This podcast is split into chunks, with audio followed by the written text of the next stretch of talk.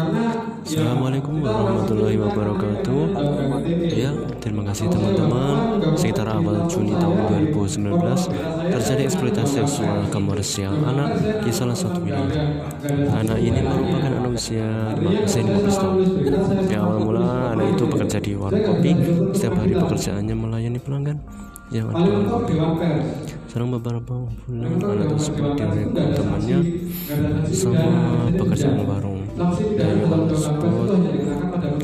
kegiatannya hampir sama yaitu melayani pelanggan yang datang. Selain itu dari pemilik warung juga melayani apa kemauan dari pelanggan selain melayani menyasar mereka. Anak ini bisa melayani pelanggan sampai 10 kali setiap dari situ menarik dari sekitar 250 ribu.